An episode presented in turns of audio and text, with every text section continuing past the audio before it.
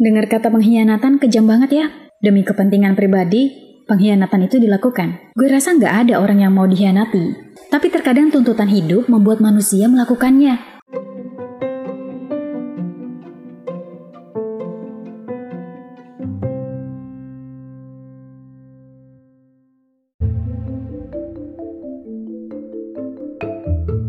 Episode ini adalah bagian dari tantangan 30 hari bersuara 2022 yang diselenggarakan komunitas The Podcasters Indonesia.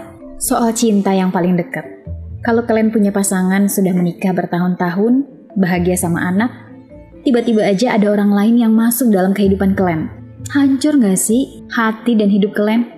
Mungkin niat awal pasangan hanya ingin menyembuhkan burnout dari rutinitas kerjanya. Tapi setan mengajaknya pada hal yang lebih selingkuh, berkhianat dari cinta keluarganya. Sebuah kesalahan terjadi bukan hanya dari kelalaian, tapi juga kesempatan untuk melakukannya. Rasanya sebagian besar pasangan memilih berpisah deh. Trauma akan terulang kembali. Sulit rasanya menerima pengkhianatan. Namun gak jarang mereka memilih bertahan demi anak mereka. Demi buah hati tercinta.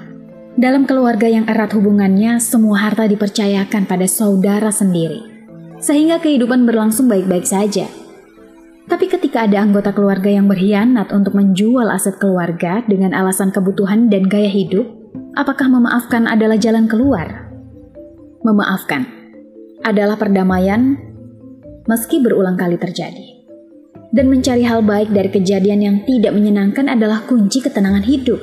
Ini disampaikan Kiai Haji Abdullah Gimnastiar atau yang lebih akrab dipanggil Agim yang memberikan pesan mengenai hal ini.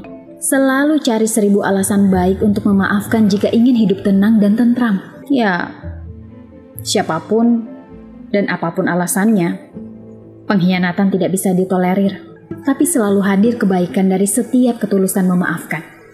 Berapa lama kamu bisa menyimpan dendam dan seberapa cepat kamu bisa memaafkan?